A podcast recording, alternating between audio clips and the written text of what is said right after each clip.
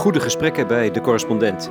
Ditmaal met Richard Kaldoulis, homo-activist sinds de jaren 90, eigenaar van een fetishclub en een gay sauna. Ik ben zelf net begonnen met de PrEP-medicatie waar je kan HIV voorkomen. En dat is gewoon pas net begonnen in Nederland, of uh, bestaat al vier jaar. Maar in Nederland is het maar heel beperkt beschikbaar. Dus ik heb nu na 35 jaar de eerste keer seks zonder condooms gehad. Dus dat is echt uh, heel anders. Ja. Is dat anders? Ja, totaal anders. Mensen zeiden dat altijd. Ik zei, oh, wat onzin, maakt niet uit. En weet je, ik was heel vastberaden om gewoon alleen condooms te gebruiken. Terwijl veel jongere mannen gebruiken, en heel veel mensen gebruiken geen condooms meer, of heel vaak, ja, condooms en soms niet. En dat is nog steeds Russische roulette. Nou, het is nu niet meer, niet meer dodelijk, maar ja, precies. ja, had je wel wat op de hals. Ja, maar uh, weet je, zoals ik zei, heel veel jonge mannen hebben ook nu hier lopen rond met HIV. En dus mensen vinden het niet zo erg meer, het is niet zo, ja, het is niet een um, dode vonus zoals vroeger. En, uh, maar ik was heel voorzichtig en nu, nu is de PrEP in Nederland net met een uh, onderzoek gedaan. En het bestaat al vier jaar in Amerika, maar hier net begonnen. Maar de minister heeft het net afgewezen en we moeten nog een paar jaar wachten voordat het echt overal beschikbaar is. Het is nu alleen in een onderzoek beschikbaar. Dus voor 370 man in heel Nederland. Maar uh, ja, na 35 jaar geen condooms te gebruiken. Dat is echt een openbaring hoor. Ja, ja. En wat is dan. Het is fijner dus zonder condoom? Ja, ja, anders. Ja. En je bent ook niet zo bang voor uh, HIV. Weet je, ik had altijd. Ja, ook ging je. Je had een date met iemand en je had dan um, per ongeluk een. een um, hoe zeg je, op je tong uh, gebeten of zo. Dan bleef een bloederig, bloederige tong. Ja, het zit altijd in je hoofd. Ja? Een wondje in je mond. Of dat is altijd iets met angst van, van, van spam. Of, en, uh, en dat is nu weg. En dat is echt uh, bevrijding eigenlijk. Ja. Mooi.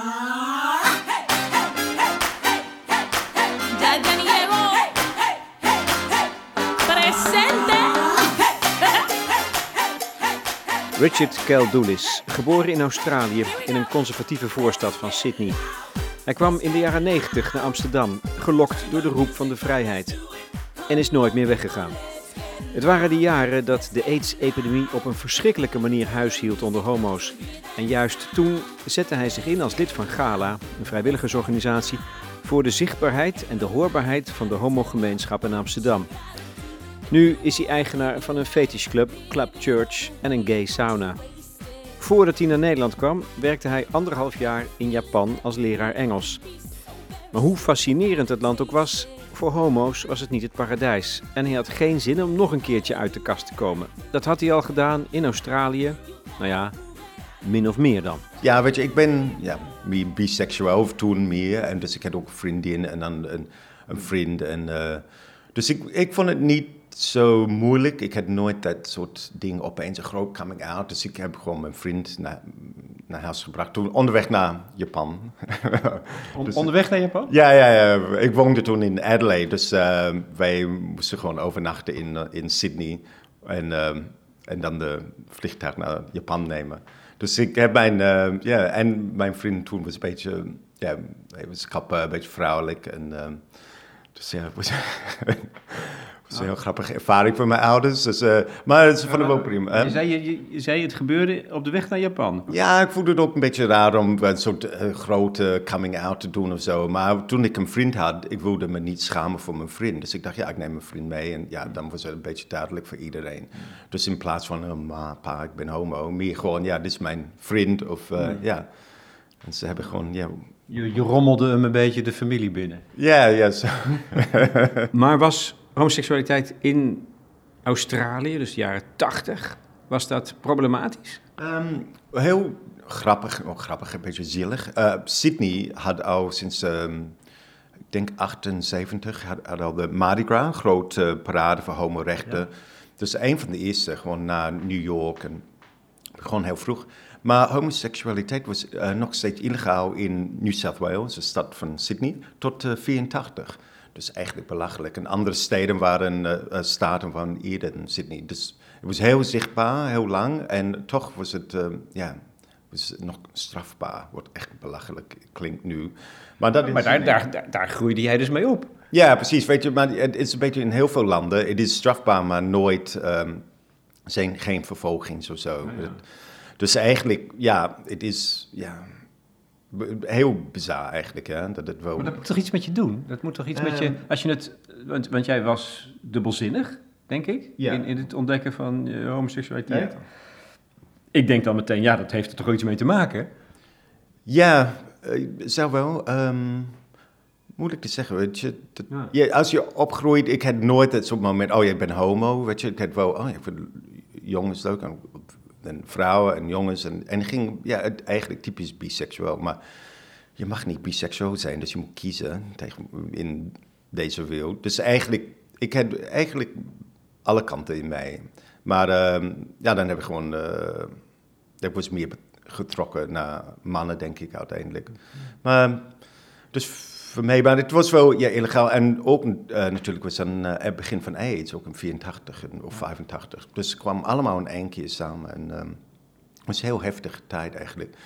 En eh, ik was op universiteit en de eerste AIDS-testen waren gewoon net beschikbaar. Dus eh, een vriend van mij of vrienden van mij die homo waren, hebben gewoon testen gedaan. En het was echt heel, eigenlijk enge tijd. Ja, terwijl jij moet dan eigenlijk nog... Ik was net aan het experimenteren Ja. met seksualiteit. Dus ik was naar homo-saunas geweest en ik had wel seks met man gehad. Dus het was, ja, het was wel een enge tijd. Terwijl ik heel voorzichtig was. En ehm, ja, ik had gewoon een, eh, eigenlijk eerlijk gezegd, ik had gewoon zo opgelopen heel vroeg in de jaren tachtig. Dus Ik was zo bang om naar homo te sauna te gaan. Ik heb jarenlang niet naar een sauna geweest.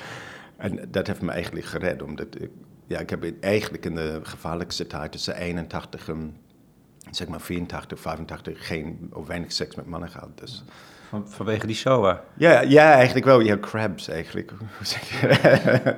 crabs saved my life.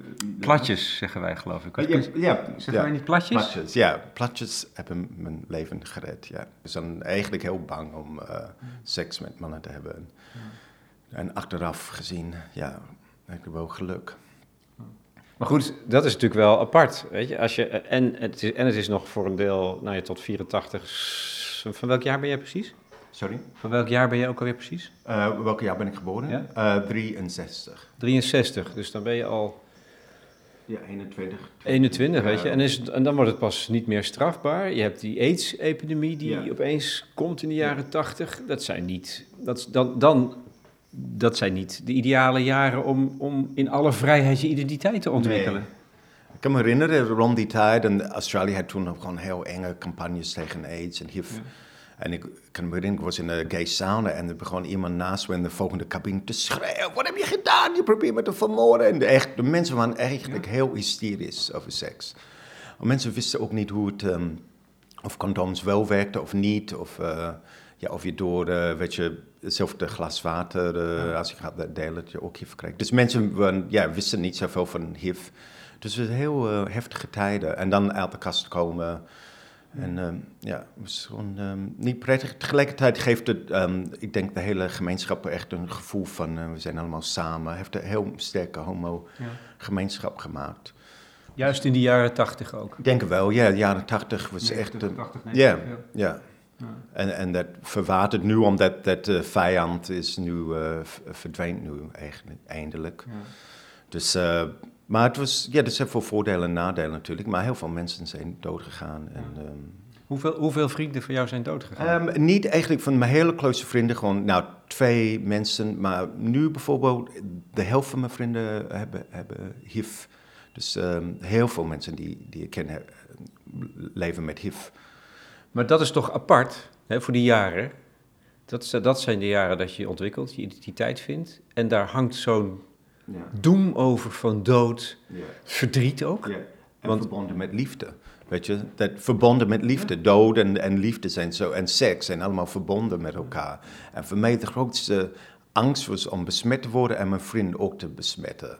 Weet je, en ik kende ook stellen die allebei dood, dood zijn gegaan aan AIDS. En dat vond ik afschuwelijk. Dus wij hadden altijd eh, safe sex of seks met condooms. En ik, ik heb dat altijd, weet je, als je vriend stiekem iets deed of jij en dan je, je, je partner zou besmetten, lijkt me gewoon afschuwelijk.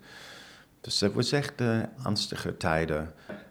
Wat betekent dat allemaal? Want dat gaat natuurlijk, er gaat tien jaar overheen. Ja. Eh, De heftigste jaren, ik denk 84. Ja, tot uh, 96 ja. hadden ze dan de eerste cocktails tegen HIV. Dus we zijn eigenlijk ja, 12 jaar zonder echt, echt niks. Ja, um, gewoon heel voorzichtig te zijn. Weet je. We hadden nog steeds een open relatie, dus we hadden toch wel seks met anderen. Maar gewoon heel voorzichtig en uh, je moet elkaar vertrouwen. En, uh, Spraken jullie er veel over? Ja, wij, wij waren altijd open uh, over wat we deden met anderen. En ja, dus we waren heel, heel open daarover. En dat, dat was voor mij heel belangrijk. En ik heb nog steeds ja, een open relatie, maar we liegen niet tegen elkaar. Dus dat, is de grens. Ja, ja, dat maakt het. You're, you're not cheating hè, mm. met, met je vriend. Is het zo dat het echte verraad is het niet vertellen? Uh, of uh, als je het alles stiekem doet, dan wel. Ja? Als je geheimen houdt ja. voor je partner, vind ik wel. Uh, ja. ja. Dat is iets heel anders. En een open relatie is toch wel dat je. Ja, alles, nou, je hoeft niet alle details te vertellen of iedereen doet op een eigen manier. Maar, maar ja. En jullie kunnen dat goed? Ja, binnen, maar, binnen een duurzame liefdesrelatie? Ja, ja, precies. We zijn nu 25 jaar samen. Dus bijna eigenlijk de hele tijd dat ik in Nederland ben, zijn we samen. Dus. En hoe, hoe doe je dat dan? Want daar, dat is toch wel een geheim voor veel mensen. Hoe ga je om met duurzaamheid, in liefde en openheid ja. tegelijkertijd. Weet jij hoe je dat, hoe je dat um, moet doen? Ik denk, veel homo's hebben zo'n relatie. Niet iedereen natuurlijk, maar heel veel homo's hebben gewoon een vaste partner en dan een open relatie. En ja, iedereen heeft een regels, weet je, dat de, de, losse partners moeten allemaal eenmalig of misschien tweemalig. Maar, maar dat niet. is de afspraak. Ja, ja zo'n beetje, ja. geen lovers. Of, maar ander heeft gewoon vak. Maar geen, dat betekent dus geen relaties, geen, geen affaires. Geen, ja, dus ja. één keer mag wel, of twee, misschien drie ja. keer op zijn hoogste, dan moet het weer afgelopen zijn. Ja, een beetje zo. Maar dat heeft veranderd en we zijn ook nog steeds, weet je, na 25 jaar aan het ontdekken. En, en wat, waar zijn de grenzen en zo. Dus dat, dat blijft er gewoon een ding van van ja, niet zo vaste afspraken, omdat iedereen verandert en je, ja. je, eigen seksualiteit verandert en je eigen levensstijl en zo. Dus, maar voor ons werkt dat, of tenminste tot nu toe. Dus het blijft gewoon ingewikkeld, maar jij relaties zijn hetero relaties of een man, vrouw, dat blijft ook moeilijk. Weet je. Ik heb mijn ouders, weet, mijn vader heeft ook gewoon relaties met, met anderen gehad en dat heeft hun relatie helemaal kapot gemaakt. Dus dat was heel veel liegen en zo, dus ja. zo wilde ik nooit doen.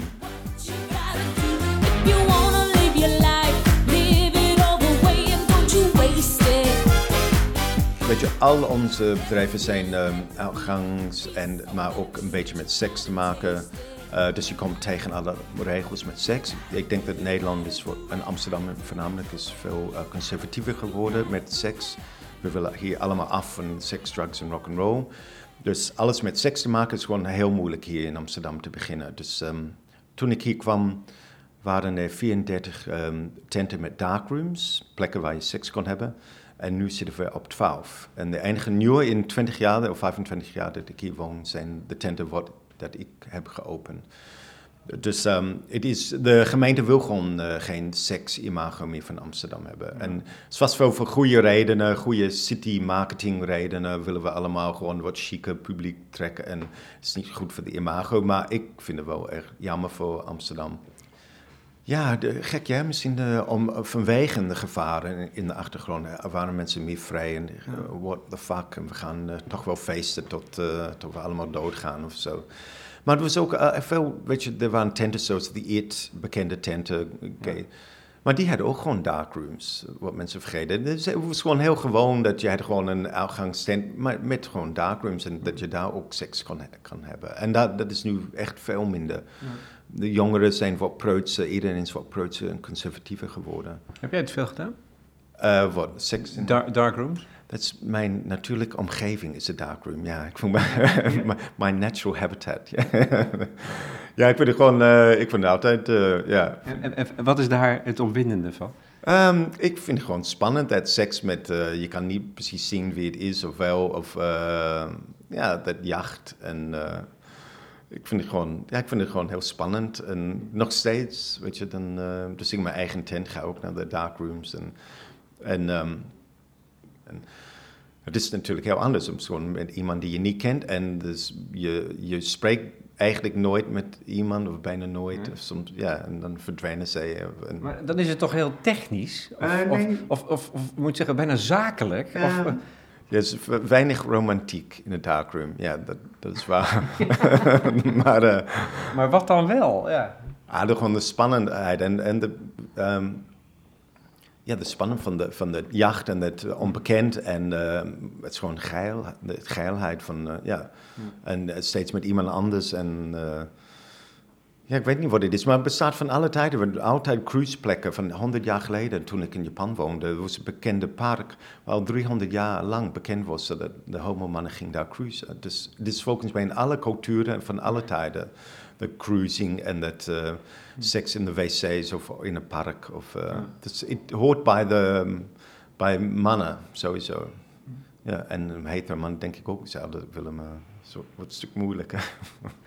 Je bent ook een soort activistisch geworden hè? In, die, in die jaren.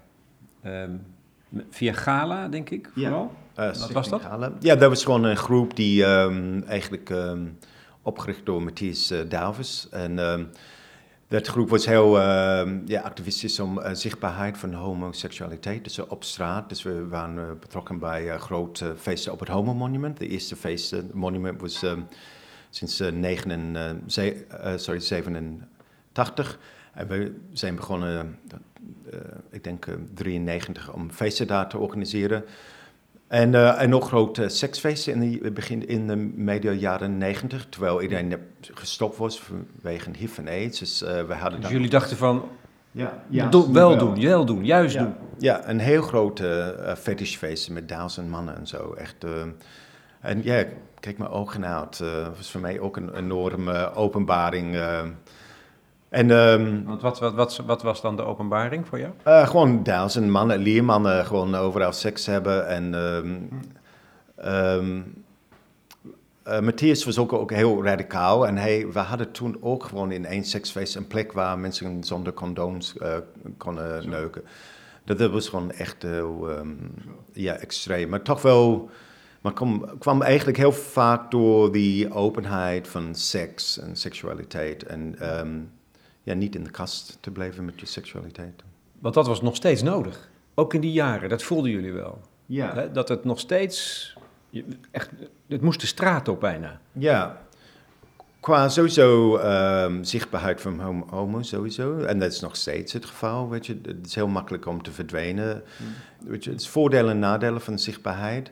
Maar je bereikt niet, niks als je niet zichtbaar bent. En ja, dus als je geen homo-straten meer hebt of geen homo-feesten buiten, ja, bestaat het eigenlijk niet meer voor mensen. Dus het is toch heel belangrijk, de zichtbaarheid. En dat is als provocatie dan ook? Uh, ik weet niet of het provocatie is, ik denk het niet. Um, we hebben, uh, het heel vaak in, in homo-clubs, uh, fetish leertenten, dat... Um, je mag geen camera's, het moet allemaal geheimzinnig zijn. Maar wij hebben juist met Club Church, we hadden, is net een documentaire over Club Church geweest. En we hadden gewoon, wij zijn heel open met, met de seksualiteit. En we willen ons niet schamen voor, voor gay seks, weet je dat. Dus, um, en ik, ik, je doorbreekt de taboe. Dat is de enige manier om de taboe door te breken, om gewoon open te zijn ik, ik, wil, ik, ja, ik, ik vind ook een beetje mijn rol om zichtbaar en gewoon uit te leggen en mensen te laten zien hoe het allemaal werkt en hoe, hoe, wat, het allemaal betekent. Het neemt gewoon de taboe weg en mensen zijn wordt, ja, makkelijker, gaan makkelijker om. En wat is het voor jou het belang dan van seksualiteit? Want het, wat ik zo, wat, zo uh, praat met jou als homo, mhm. maar eigenlijk vooral over seksualiteit. Alsof dat het, het, het belangrijkste is wat je identiteit definieert. Ja. En dat is eigenlijk best gek. Ja, dit is wel gek, ja. Maar mensen nemen hun identiteit van heel veel gekke dingen. Je politieke ja. gedachten, je, je, dan ben je communist of, of dan ook. Heb je ook gewoon, je gaat sterven voor je identiteit. Dus het is heel raar dat je maakt je identiteit van je seksualiteit, maar tegelijkertijd ook niet. is, um, maar, uh, en ik vind ook, weet je, Club Church is een bekende fetish club. En uh, dus ik, ik heb altijd, um, ik wil openstaan voor alle, alle fetishes. En ik, ik, ik probeer mezelf uh, geen voordelen te, vooroordelen te maken over andermans fetish. Omdat iedereen heeft een fetish en iedereen ja, heeft de bizarste fetish. En heel vaak mensen vinden hun eigen fetish gewoon heel normaal en van andermans fetish gewoon heel gek. En, maar ik denk, ja, ik heb zo vaak zoveel dingen gezien en, en wat mensen opwinden is gewoon ja. heel persoonlijk. En, uh, maar dat is dus ook de strijd die je dan op een of andere manier voert door in dit geval ehm, de beleving van, de vrije beleving van seksualiteit of je fetishes, eigenlijk vrijheid. Ja. Dat is eigenlijk waar, waar, je, Ja. waar je strijd over voert. Ja, nu dat je het zo zegt, ja, dat klopt.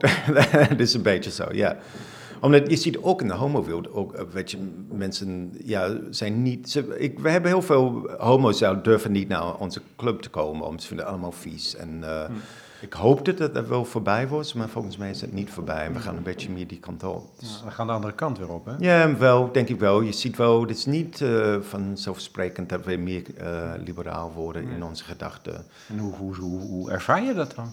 Ehm, nou, het is een heel controversieel subject, maar je kijkt naar ehm, pedofilie, weet je, van tot de jaren eh, negentig eigenlijk was het gewoon veel opener en nu is het een enorme taboe geworden, dat niemand wil daarover hebben. Maar eigenlijk, eh, je kijkt naar Nederland, was en heel veel landen was de leeftijdsgrens eh, 12. Nederland ook tijd voor een tijdje.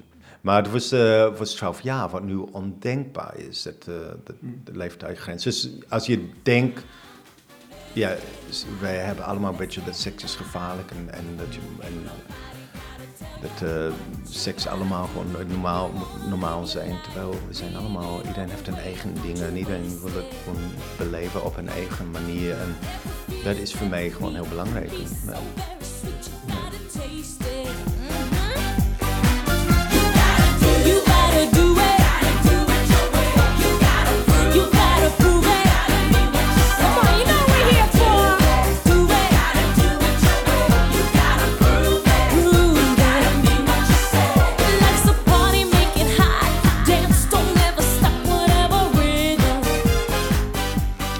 Kiezen in de homo-wereld tussen, tussen eh, eh, homo zijn of hetero zijn? En, en mag je niet, dat, is- dat zei je in het Ja. begin, Ja, kijk, ik geloof echt dat de meeste mensen zijn biseksueel. En ik denk, je hebt mensen die alleen homo zijn of mensen die alleen hetero zijn. Maar ik denk heel veel mensen zitten er een beetje tussenin.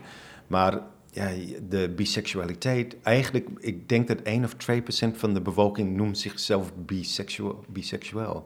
To- Het is een beetje, je moet... eh, ja, mensen vinden het heel moeilijk. Je moet in, eh, in eh, een hokje zijn en dat is gewoon of homo of hetero.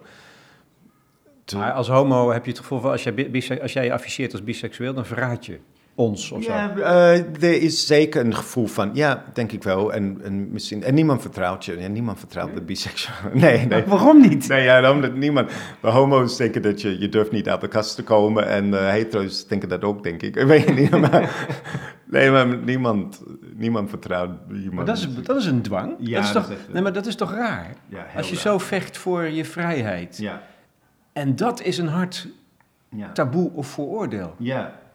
Ja, gek ja, hoe, hoe dat is. Er zijn wel zichtbaar biseksuelen. En volgens mij met Gay Pride, is ook een conferentie, uh, Europride met biseksuelen. Maar het is, ehm, ja, het is een beetje een vergeten groep of zo. En eh, ik, ik heb gewoon... Terwijl dat de grootste groep is, zeg jij. Ja, ik vind, denk ik.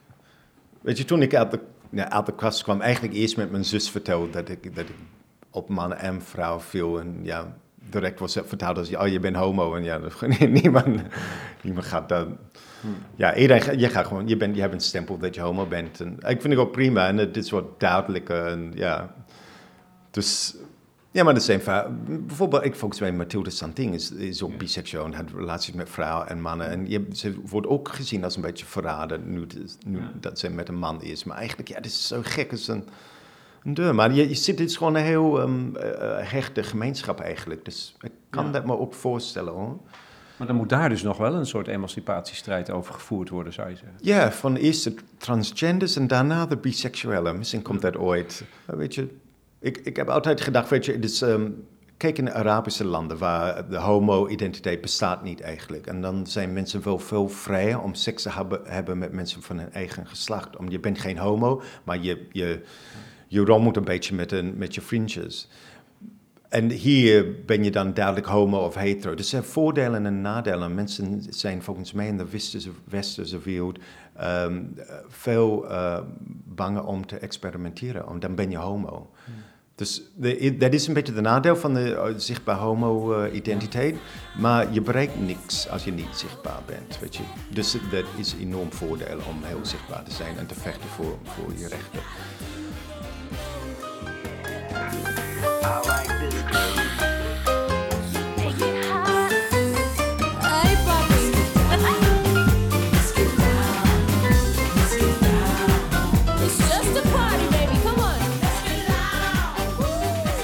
Jij hebt ook nog een alter ego. Richard Caldulis. Jennifer. Ja, Jennifer Hopeless. Jennifer Hopeless. Vanaf, vanaf wanneer bestaat zij? Um, nou, 15 jaar of zo. Ik was eh, laat bloeien. Dus, eh, en, ehm, Wanneer ontdekte je haar? Dat, dat, dat zij ook nog in jou zat? ja, dat was eh, eigenlijk in Sydney. Ik, wij gingen ook vaak terug naar Australië. Weet je, en, en mee- ik heb meegedaan met, we hebben meegedaan met de Gay Parade daar, de Mardi Gras. En we hadden één jaar, gingen we allemaal in drag. En ik vond het heel spannend en heel leuk te, mee te maken. Opeens had een heel groot publiek. En eh, volgens mij ging de choreografie helemaal fout. En dus ik moet gewoon allemaal eh, improviseren. En eh, ik vond het gewoon heel spannend en heel leuk om te doen. Dus ik dacht, oh.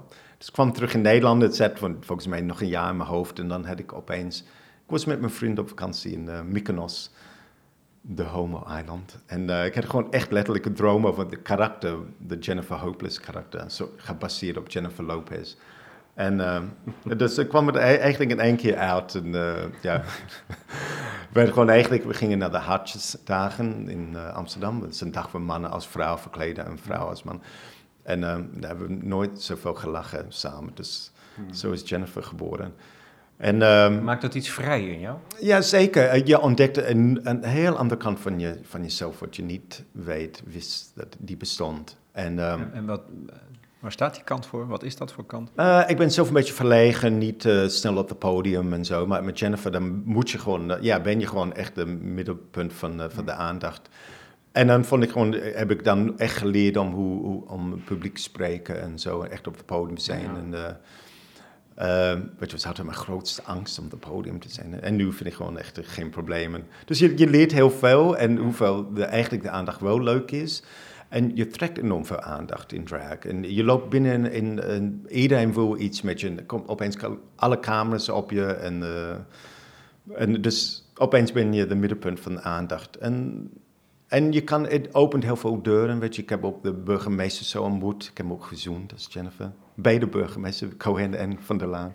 En, uh, en opeens ken je, leer je ook de wethouders uh, kennen. En, iedereen wil je kennen. Maar, maar dat is toch, hoe kan dat nou? Ja, Als, omdat het een spel is. Ja, het, en er hangt daar een foto. Uh, van Erwin Olaf eigenlijk. Erwin Olaf, ja? Ja, ja, ja. Ja, ja we hebben ons ge gefotografeerd. En, uh, Good lord. Ja, ja.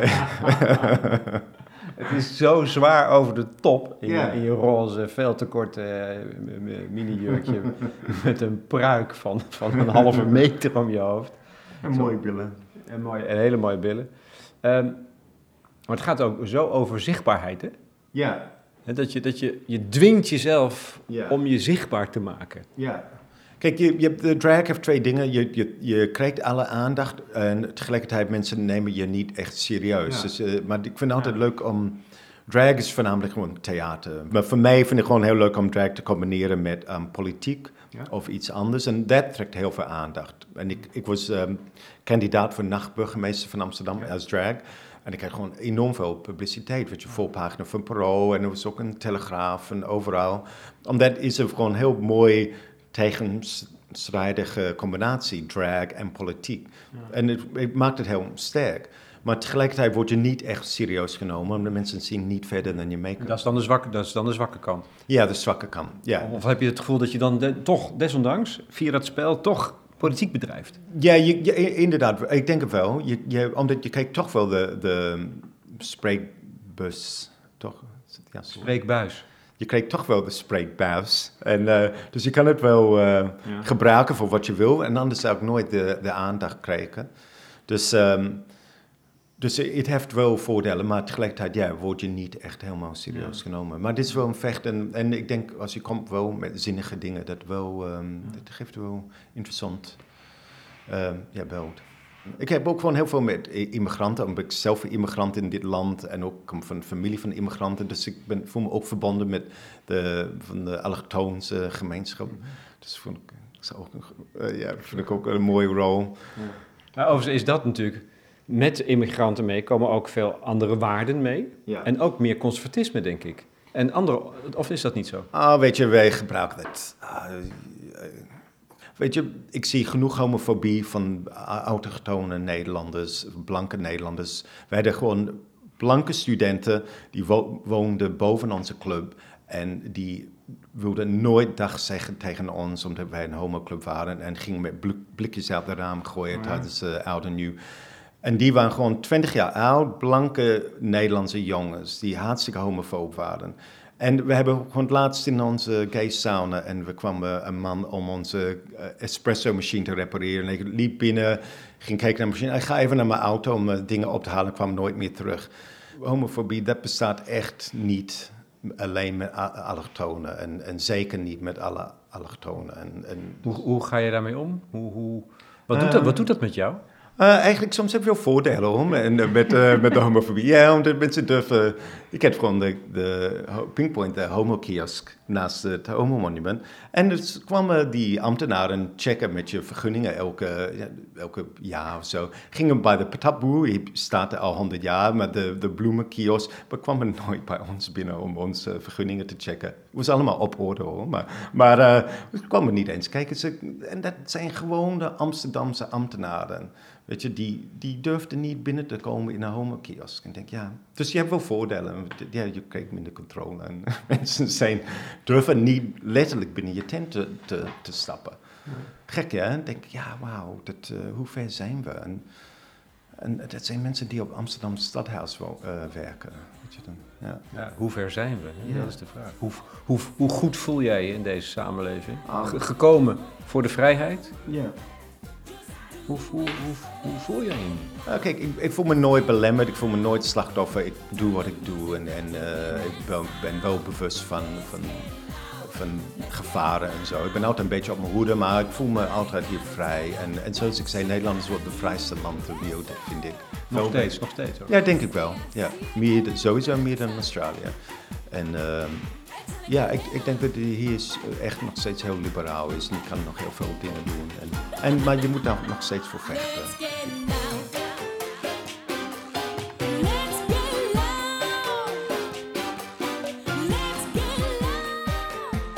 Richard Keldoulis in gesprek met Lex Bolmeijer voor de correspondent in het kader van de roze redactie.